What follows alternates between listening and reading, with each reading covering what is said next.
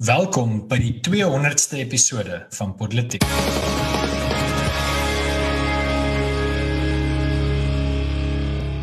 Ja, baie welkom. My naam is uh, Rainer Dievenage en vandag saam met my in die ateljee is Erns van Sail en Paul Marits. En in vandag se episode Zuma hofgeveg, Cyril doen met RET weg en Charlies sê Afrikaans sleg. Kom ons ontdons is hierdie week se politiek.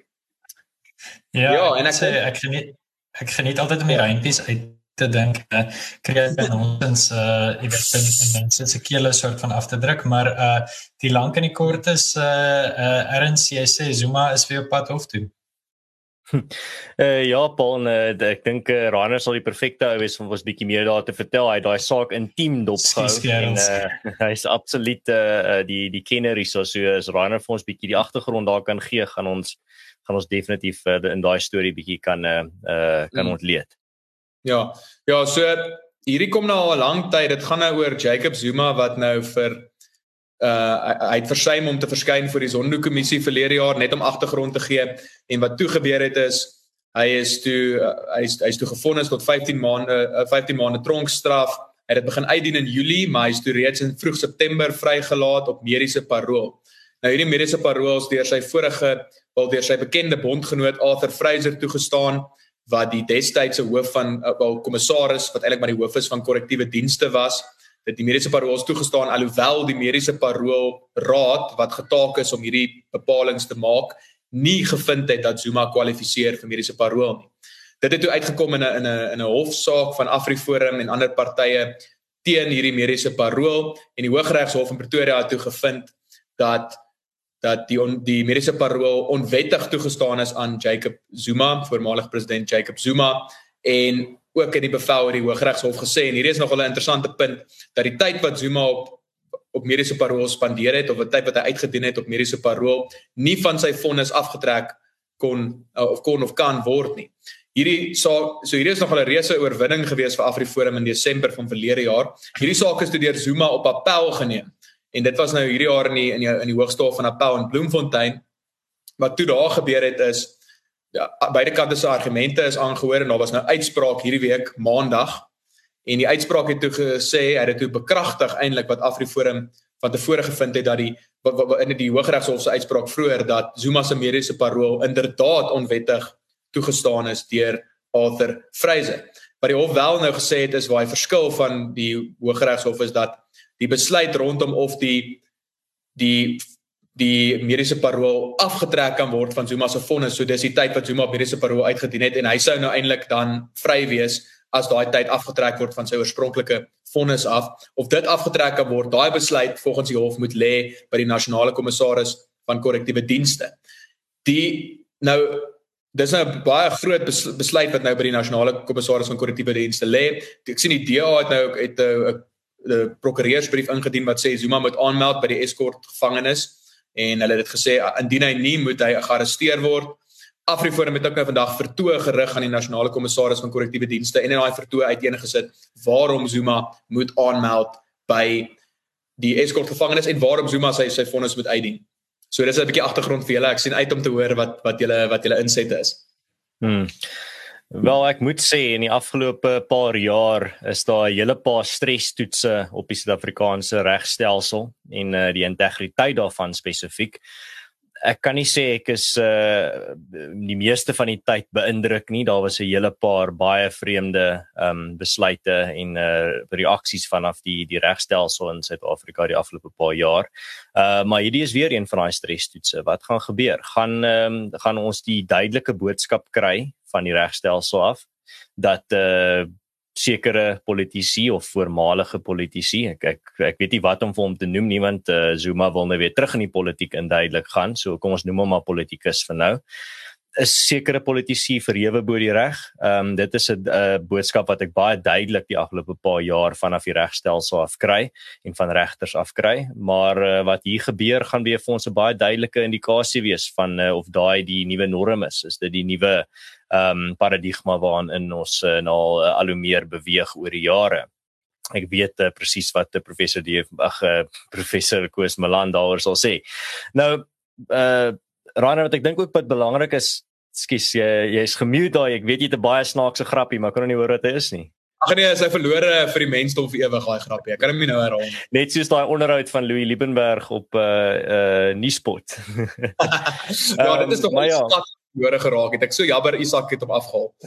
Ja, uh maar ja, dit 'n finale gedagte daarson. Ek dink Rana het eraan geraak, maar wat belangrik hierso is is dat uh die burgerlike samelewing het weer 'n baie groot rol hierso gespeel Afriforum spesifiek om seker te maak dat uh geregtigheid seëvier en uh, ons gaan nou ons hou hierdie saak baie noukeurig dop. Ek weet dis ook jou verantwoordelikheid uh Rainer om nou baie noukeurig hierso dop te hou en uh ons gaan alles binne ons mag doen van Afriforum se kant af om uh, seker te maak dat uh, uh tot wie, tot al is daar verval binne die regstelsel dat uh alles wat ons moontlik kan doen gedoen word om seker te maak dat uh, geen politikus is bo die uh, bo die reg verhewe nie.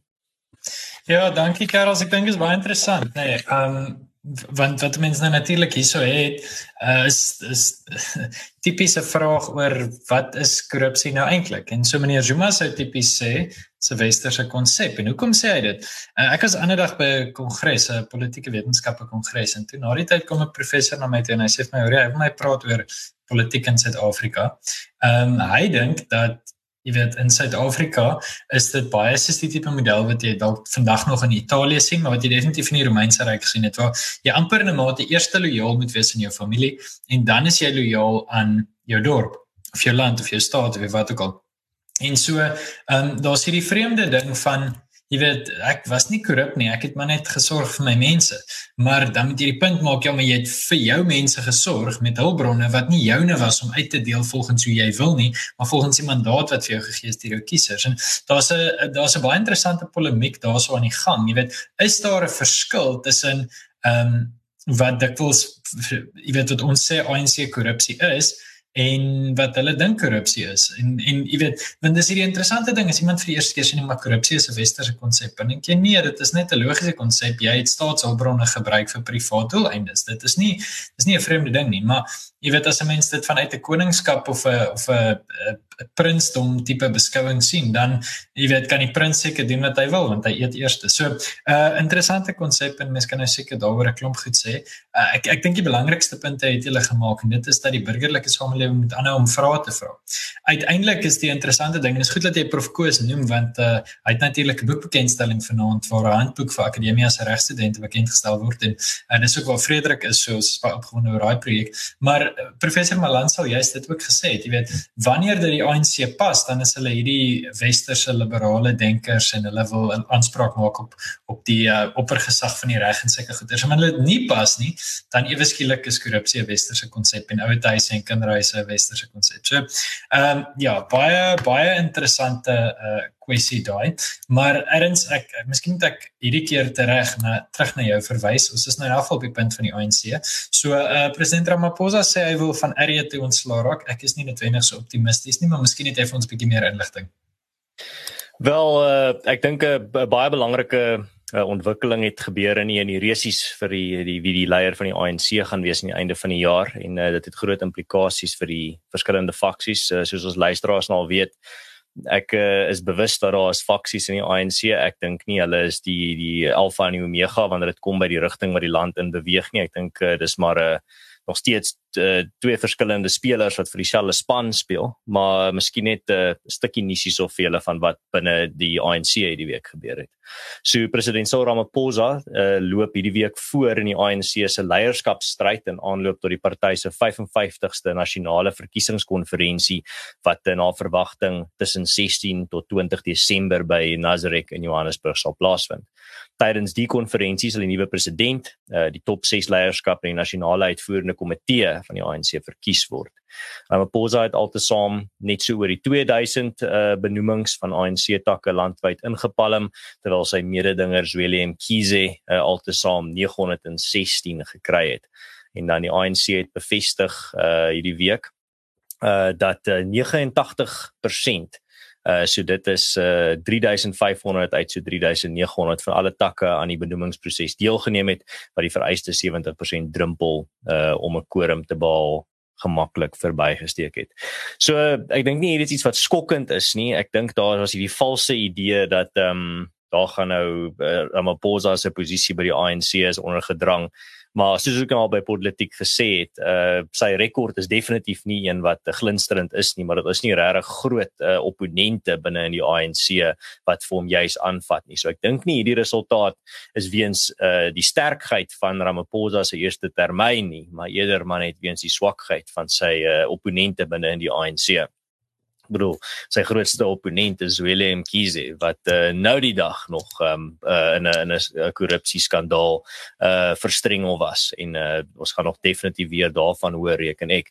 Uh maar ja, hierdie is 'n uh, groot ontwikkeling as jy um baie belê is binne in die faksiegevegte binne in die ANC. Um maar terselfdertyd Ehm um, die RET faksie is nêrens om gesien te word nie. Ehm um, Zwelium Kize is 'n uh, Ramaphosa man. Hy is nie 'n anti-Ramaphosa uh, persoon binne die ANC nie. Eintlik 'n Ramaphosa loyalis as jy kyk meer na sy uh, gedrag in die verlede en hy is 'n Ramaphosa aanstelling. So hierdie is 'n uh, uh, absolute uh, oorwinning uh, of 'n uh, amper amper nou 'n uh, absolute oorwinning vir die die nuwe Daaraad faksie binne in die ANC en dit lyk my na uh, jy kan dit amper 'n staatsgreep binne in die ANC noem as jy nou regtig so daarna wil kyk. Ja, erns ek ek dink vir my is die belangrikste punt hierso ons is ongelukkig nog steeds op 'n punt in Suid-Afrika waar die verkiesing einde van die jaar 99% kans ons presidentsverkiesing is. Ehm um, en die enigste moontlikheid dat hierdie nie 'n verkiesing vir ons 2024 president is nie, is as die EFF byvoorbeeld iets belaglik soos 25 of 26 27% kry en hulle kan of of kom ons sê die EFF kry ietsie soos 23 of 24% en die ANC kry min of meer ook daar. Want my ek meen dis 'n belaglike scenario. Mens kan nie eers dit jou regtig indink nie. Ehm um, daar's gewoon mense wat gaan en ANC stem en 5 jaar later weer gaan en ANC stem en gaan en ANC stem en ek voel hulle is amper genoeg om dit te, te regverdig. Maar kom ons sê die ANC en die EFF is in 'n posisie waar hulle twee saam minder as 50% het en hulle moet ander kleiner partye intrek. Dan is dit moontlik dat iemand anders die president kan wees. Maar vir die 99% waarskynlikheid dat die ANC miskien ergens tussen 45 en 50% kry en hulle gaan dalk saam met die EFF in koalisie om 'n 60% te kry en te regeer beteken dit dat hulle gaan definitief die president hê. Die EFF sal miskien 'n paar sterk ministers hê, dalk selfs die adjunkt president. Ehm um, en en dan trek meneer Malema dalk in 'n huisie daar in Centurion in. Ehm um, maar so die die lank en die kort is heel heel moontlik kies ons hierso president. So dit sê iets oor ons demokrasie en mens kan daaroor krities wees. Ek ek is natuurlik ek dink nie dat demokrasie die antwoord vir elke liewe politieke probleem is nie, maar die realiteit is dat ons as 'n kleiner taalgroep en en 'n klomp minderhede in Suid-Afrika, ons stemme gaan baie beter gehoor word as die eenpartytelsel gebreek word. So in daai opsig is hierdie verkiesing belangrik, maar ook hartseer. In terme van die binnengevegte van die ANC en ons praat nou al daaroor seker omtrent vir 'n jaar of dalk 'n bietjie meer. Ek dink toe Ys Magashule se saak begin het, toe het ons op politiek vir die eerste keer regtig begin praat oor hierdie komende verkiesing uh van die ANC ek ek dink meneer Ramaphosa het briljante voetwerk gedoen, jy weet, as jy kyk hoe hy sy opponente uitgeskakel het en um, ek is bang dat hy sy hand bietjie oorspeel in 'n sekere sin met dit wat wat nou uh, in ons eerste storie deur Rainer ingelei is, want ek dink dit sou sekerlik ook deel daarvan gewees het, nê. Nee. Maar goed, so lank storie kort, ek is redelik seker meneer Ramaphosa gaan met vleiende vaandels by hierdie kongres wen en dan hoop 'n mens dat daar regtig baie van die goed wat ons beloof is in 2018 dat 1 of 2% daarvan mag waar word wanneer hy dan nou sogenaamd 'n werklike mandaat het en 'n tweede termyn ingaan en nie weer herverkies hoef te word of sulke goeders nie. Maar die waarskynlike is dat die ANC gaan aanhou ANC wees en hulle gaan hulle traject van going nowhere slowly maar net voortsit. Dis my pessimistiese maar ek moet dan ook sê ek dink my realistiese lees op hierdie kwessie. Rainer, miskien het jy 'n bietjie son om te skyn op my uh, donker wolkie.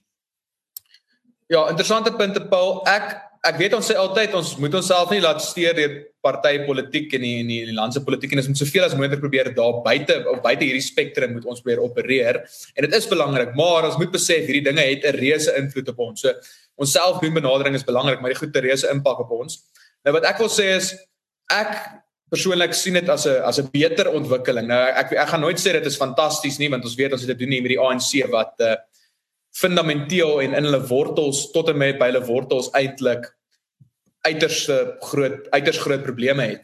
Maar wat ek hier sien is ek dink dit is beter want wat wat 'n groot gevaar was was natuurlik hierdie Lesofie Malema koneksie as dit kon seevier, dink ek regtig dat daar in 2024 'n uh, reuse gevaar was vir 'n EFF en dan 'n RET faksie uh, koalisie. En daardie tipe, ek weet dis radikale radikale idees en ek dink as 'n mens dink die die ANC is radikaal in in hulle beleide tot dusver dan uh, sou mense skrik as mense Lesofie Maleba koalisie het wat dan die land regeer of van die ander ander mense van die faksie wat ook meer radikale transformasie nastreef. So ek dink dit is 'n positiewe positiewe verwikkeling dat dat Ramaphosa lyk of hy die ANC leier gaan bly en dat hy lyk of hy weer president gaan wees, maar dis nou nie iets wat ek gaan nou nie rondhardloop en en Ramaphosa uh, rondhardloop en en daai tipe klas van dinge nie, maar dis tog vir my 'n baie goeie ding om te sien. Ek was baie bang dat Cyril Ramaphosa uitgewerk sou wees en dit sou dit sou dit's ek, dink dit sou katastrofies wees vir ons land. Ja. Maar in geval ehm um, ek dink ons kan dan as niemand verder hier uh, inset het nie kan ons dan oorskakel na die volgende storie. Nou hierdie storie is eintlik minder betekenisvol as baie van die ander stories wat ek dink eintlik in die nuus is. Jy weet byvoorbeeld, ek dink die die die aanslag op Afrikaans by skole is 'n groter nuus storie as hierdie of ons kan sê die haatspraak saak is 'n groter nuus storie as hierdie, maar hierdie was omtrent as mense daarna kyk, die nuus storie van die jaar. En dit is nou die einste dame wat daar uit benou nie kom en wat 'n uh, uitspraak gemaak het op 'n podsending in Amerika. So dit is nou waar die podsendings raak al hoe meer uh die medium waar mense eintlik opspraakwekkende goed kwyt raak. So ons is in daai sin is ons by die regte medium. En ja. Charlize het iets gesê daar in Amerika. Ek weet nie of Paul of jy vir ons 'n bietjie meer kan vertel van hierdie Charlize Theron sage. Charlize Theron sage. Ja, dis interessant, nee Benoni uh, kom van die Hebreëus uh Ben-Oni, seun van my smarte. En ehm um, wat gebeur is nadat Jakob se seun Benjamin dan nou gebore is, sterf sy vrou en dan is hy baie hartseer en dan noem hy hierdie seun seun van my smarte Ben Oni. En dan uh, sê die Here vir hom nee, jy moet hom seun van jou regterhand noem, noem hom dan hernoem hom Benjamin. Uh so uh ek wil nie sê die dogter van ons smarte het nou teruggekeer nie, maar dit dit sou tog 'n snaakse opmerking wees om te maak. Uh Kerels wat Charlize Theron sê, dink ek is in 'n sekere sin as 'n as 'n grappie bedoel, maar sy het 'n baie sensitiewe ding uh grappie gemaak want Afrikaans is konstant onder aanval en toe sê sy daar's net 44 mense wat die taal praat en die taal is eintlik nutteloos. So dit was die twee opmerkings wat mense so bietjie um die USC ingemaak het as ek dit liggies mag stel. Nou ek wil so 'n bietjie statistiek gee. Uh so julle julle weet op Big Bang Theory het Sheldon fun with flags.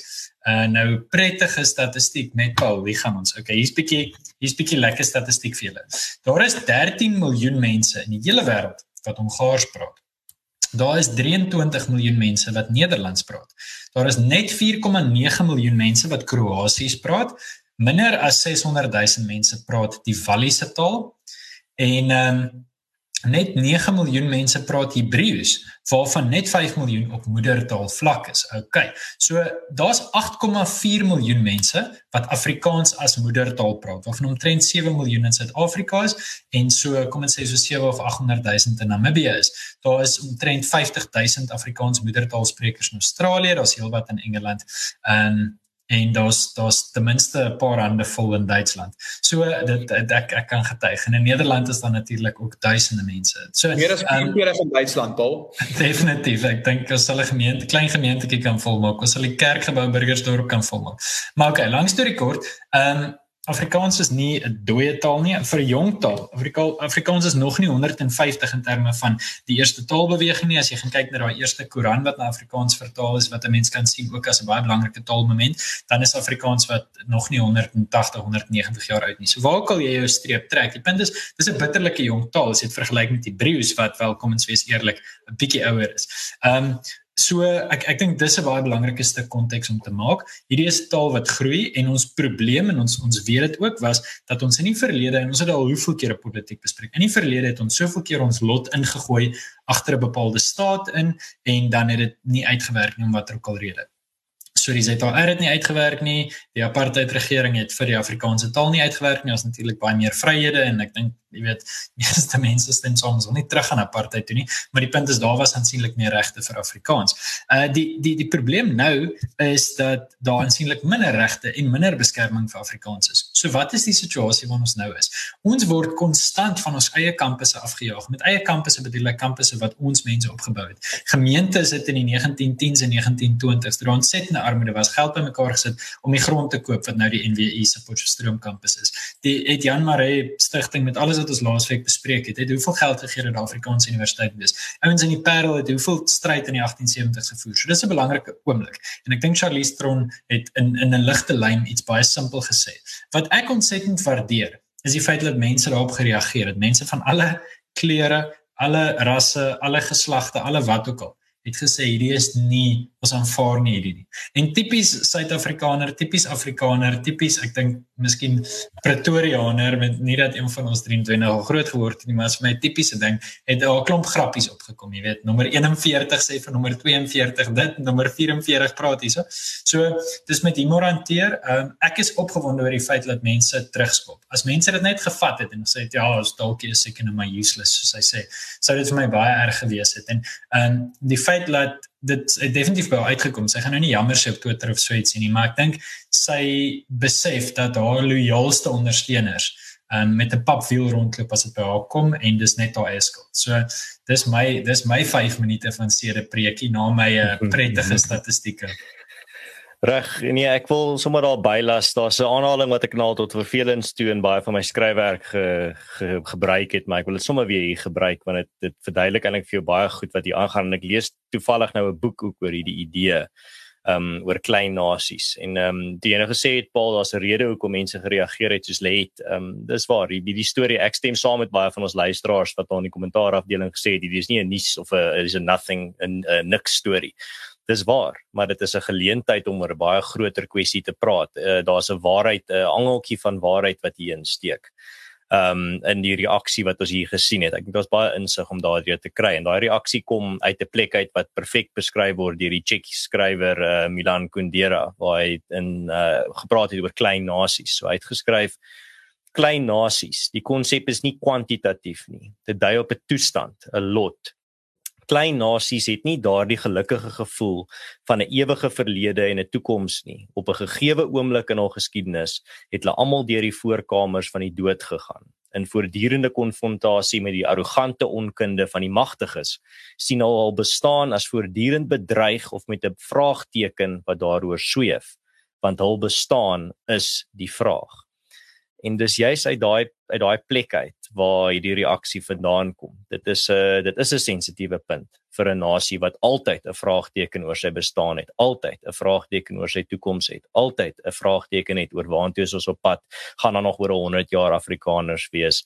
Die hierdie is eksistensiële vrae wat die Afrikaner na vir baie generasies mee worstel en ons het antwoorde vir baie van daai vrae al deur die jare gekry. Dan verloor ons weer daai antwoorde of hervorm daai antwoorde maar dit is iets wat ons gereeld in die gesig staar en iets wat ons gereeld oor gesels in ons sosiale kringe en selfs ek persoonlik oor dink. En dit is die plek waaruit hierdie reaksie kom. So vir baie mense wat hierna kyk wat nie Afrikaners is nie, wat heeltemal eintlik verwar is deur hierdie reaksie, dit is die plek waar dit vandaan kom. Dit kom uit 'n dit kom uit 'n plek uit van 'n nasie wat altyd nog 'n vraagteken oor ons uh, voortbestaan gehad het en 'n uh, eksistensiële krisis amper om elke hoek uh, teekom. En dit is iets wat baie moeilik is om te verstaan as jy leef in 'n land so Charlies waar die kultuur rondom jou absolute sekerheid het van hulle voortbestaan, geen Amerikaner wonder of daar oor 100 jaar nog Amerikaners gaan wees nie, geen Amerikaner wonder of die die Engelse taal 'n toekoms het nie, geen Amerikaner wonder of eh, Amerika nog gaan bestaan. Ehm um, en die Amerika Amerikaanse kultuur nog bestaan nie. Alhoeweldigende meerderheid uh glo nog steeds dat uh, hulle hulle verlede is verseker en hulle toekoms is verseker. Nou net ter afsluiting. Ehm um, dit, dit dit is vir my baie lekker ook baie om te gesien het hoe mense reageer, maar dit wys tog dat mense dat Afrikaners vandag in massas nog steeds hierdie vrae in hulle kop het, nog steeds dink oor hulle kultuur se voortbestaan en dink oor die posisie waar hulle kultuur invind. As daar geen reaksie was nie, hoe klein en simpel opmerking nou tog uh, mag wees. As daar geen reaksie was nie, sou ek baie minder bemoedigend daar uitgekom het as nou as so die die reaksie gesien het. so 'n groot reaksie op so 'n klein opmerking wys juis vir jou hoe ernstig Afrikaners in 2022 steeds die voortbestaan van hulle taal en hulle kultuur sien. En dis vir my baie lekker om te sien. Die grappies is ook lekker, maar die die die groter prentjie van Afrikaners vandag dink nog steeds aan hulle kultuur, eh, aan hulle taal, hulle kultuur en hulle identiteit en is baie baie ernstig daaroor. Dis iets wat ongelooflik uh ongelooflik lekker is om te sien. Ja, ek wil net byvoeg daar, uh dis dis positief en alles, maar ek wil ook terugkom by Charlize en ek dink dit is 'n groter fenomeen. Dis wat Ernst Roots ook in sy video gesê het wat nogal baie kykke gekry het. Ek dink daai video van Ernst Roots het 190 000 kykke gekry. Dit wys net hoe sensitief hierdie saak is, maar hy sê Charlize ly aan oikofobie. En vir die wat nie weet wat dit is nie, dit beteken dit is die irrasionele vrees vir dit wat jou eie is. En uh, dit is ook 'n tema wat mense al breër in die weste geïdentifiseer het. En die jammerte is ja, as as as Charlize oor Afrikaans praat en haar en haar haar moederland, dis altyd neerhalend, dis altyd negatief dis altyd so vanuit daai voortoringkie daar in die in die FSA in Hollywood. En ek dink dit was nou hierdie keer was nou beslis die keer wat mense van gesê het, hoorie Charlize, jy kan nie so neerbuigend teenoor ons wees nie en dis tyd dat jy die werklikheid dat jy die werklikheid sien en dat jy die werklikheid herken en dat jy besef dat jy nie net kan sê wat jy wil nie en dat jy nie verhewe is bo ons ou klein volkie se kritiek nie en ek dink dit was 'n lekker ding om te sien. Ja, ehm um, ek ek sien heelwat mense het nou so deur die loop van die episode aangesluit. Julle is natuurlik welkom om so 'n bietjie terug te gaan. Ons het 'n klomp interessante goed gesê uh, en ons het laat begin omdat ek sleg is met tegnologie. So, ehm um, ek dink vir die 200ste episode is dit ook 'n goeie viering. Ek wil ek wil my laaste gedagte net hiermee dit sê. Ek dink die feit dat ons 'n klein taalgroep het en dat die Afrikaner as sulks 'n klein nasie is maar onthou die meeste Afrikaans sprekers is sien hulle self nie noodwendig as Afrikaners nie minderhede self identifiseer en al daai goed wat ons altyd sê. Ehm uh, maar die die lank en die kort is daar is 'n bepaalde energie. Dit pla nie 'n Duitser of 'n Hollander om 'n Engelse woord in te gooi nie. Uh, Hollanders miskien begin hulle daar kom, maar die Duitsers dink is ontsettend diep om so klein bietjie, jy weet, Engels te praat om te wys jy kan nou jy kan lekker Engels praat en so. Want dit is vir hulle hulle hulle verstaan nie noodwendig daai ding nie. En erns ek dink jy sê dit reg, Milan Kundera se opmerking is 'n is 'n ding wat ons ken. Ons weet hoe dit voel om te dink jy maar hoe Breiten Breitenberg het op 'n stadium toe ek net oud genoeg was om dat my brein reg begin werk het. Toe sê hy hy hy sal nie verbaas wees as Afrikaans in sy lewenstyd uitsterf nie. Toe sê ek so, "Sjoe, maar oom is so 60." Dit beteken dat jy weet Ehm um, maar die, die realiteit is dat daar elke dag tale uitsterf. Ehm um, tale in die noorde van Noord-Amerika en die noorde verre noorde van Europa wat gepraat is onder daai mense wat in die in die ys en die sneeu woon, daar's tale wat elke dag uitsterf. In in Afrika is daar definitief tale wat wat jy weet die hele tyd uitsterf selfs in Suid-Amerika, dialekte wat in klein groepe gepraat is. En die realiteit is Um, ons het op hierdie stadium 'n klomp energie want ons het nie noodwendige Afrikaanse staat nie. So ons moet aktief besluit as jy nog hier wil wees, jy weet dis soos om te gaan kamp. As jy hier wil slaap, moet jy 'n tent opslaan. Die tent gaan nie homself opslaan nie. Hier's nie 'n huisie gebou nie, jy moet die huis bou. Ehm um, en ek dink dit gee vir ons 'n klomp energie en dit dit maak in 'n in 'n baie groot mate van ons wie ons is. Ons ons sê altyd in in Flipbase het het al soveel keer gesê dat die Afrikaners se identiteit kan opgesom word met die uitdrukking 'n boer maak 'n plan. Maar ons moet ook besef ons moet aanhou planne maak. En ons moet nooit op 'n punt kom wat ons sê ja wel, as ons na Afriforum, ons nou solidariteit, ons nou akademie as wat ek net ons kan nou rustig wees, kan nou Margate gaan sit en roomys eet. Ons gaan nooit op daai punt kom nie. Dan jy weet vat ons die volgende taak en ons bou en ons gaan aan en ons gaan aan en dis nie omdat ons teen enigiemand is nie, dis omdat ons vir onsself is. En dis 'n lekker energie om te hê. Uh so ek dink niks wat ek nou gesê het is oorspronklik nie. Alles kom eers uit een of ander beweging toespraak uit, maar is lekker om saam te vat. Ehm um, daarmee gaan ek my self stil maak. Reg, so Sushali se moontlike welkom ontvangs by Hennies of Buffelsfontein is hierdie episode ook vir eers verby. As jy hou van wat ons hier doen, uh, teken gerus in op Politiek en ons nooi jou ook as luisteraar uit om ook self 'n bietjie te ontnonsens deur die gesprek voort te sit in die kommentaar afdeling of op ons Telegram program of 'n Telegram kanaal en dit is heel onder in die video se beskrywing.